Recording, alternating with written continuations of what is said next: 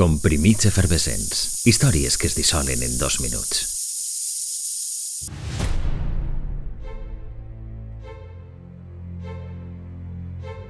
Ja tenia set mesos quan la van presentar en societat. Va protagonitzar una portada llegendària d'un diari britànic que ompliria el món d'esperança, però també d'incertesa. Un èxit per a molts i una fita inquietant per a molts altres. Un 23 de febrer el món coneixeria el primer mamífer clonat de la història. L'ovella Dolly.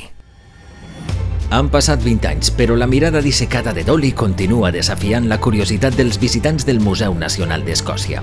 Feren falta 277 proves prèvies. A l'Institut Roslin d'Edimburg, Ian Philmut i Keith Campbell obraren el miracle en aconseguir la viabilitat d'un embrió format per un òvul al que van introduir una cèl·lula sense nucli.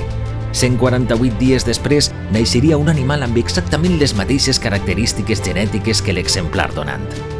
Amb ella naixia l'esperança de molts que veren més prop la regeneració de teixits i d'òrgans, però també s'instal·lava el temor entre altres davant la possibilitat de la clonació humana. Que se sàpia, Dolly, aliena a tota aquesta controvèrsia, va tindre una vida relativament normal i va ser mare de sis ovelletes. El 2003 va haver de ser sacrificada a causa d'una malaltia pulmonar. No obstant, gràcies a Dolly, avui fa 20 anys que la humanitat sap que és possible la clonació de mamífers, des del 23 de febrer de 1997.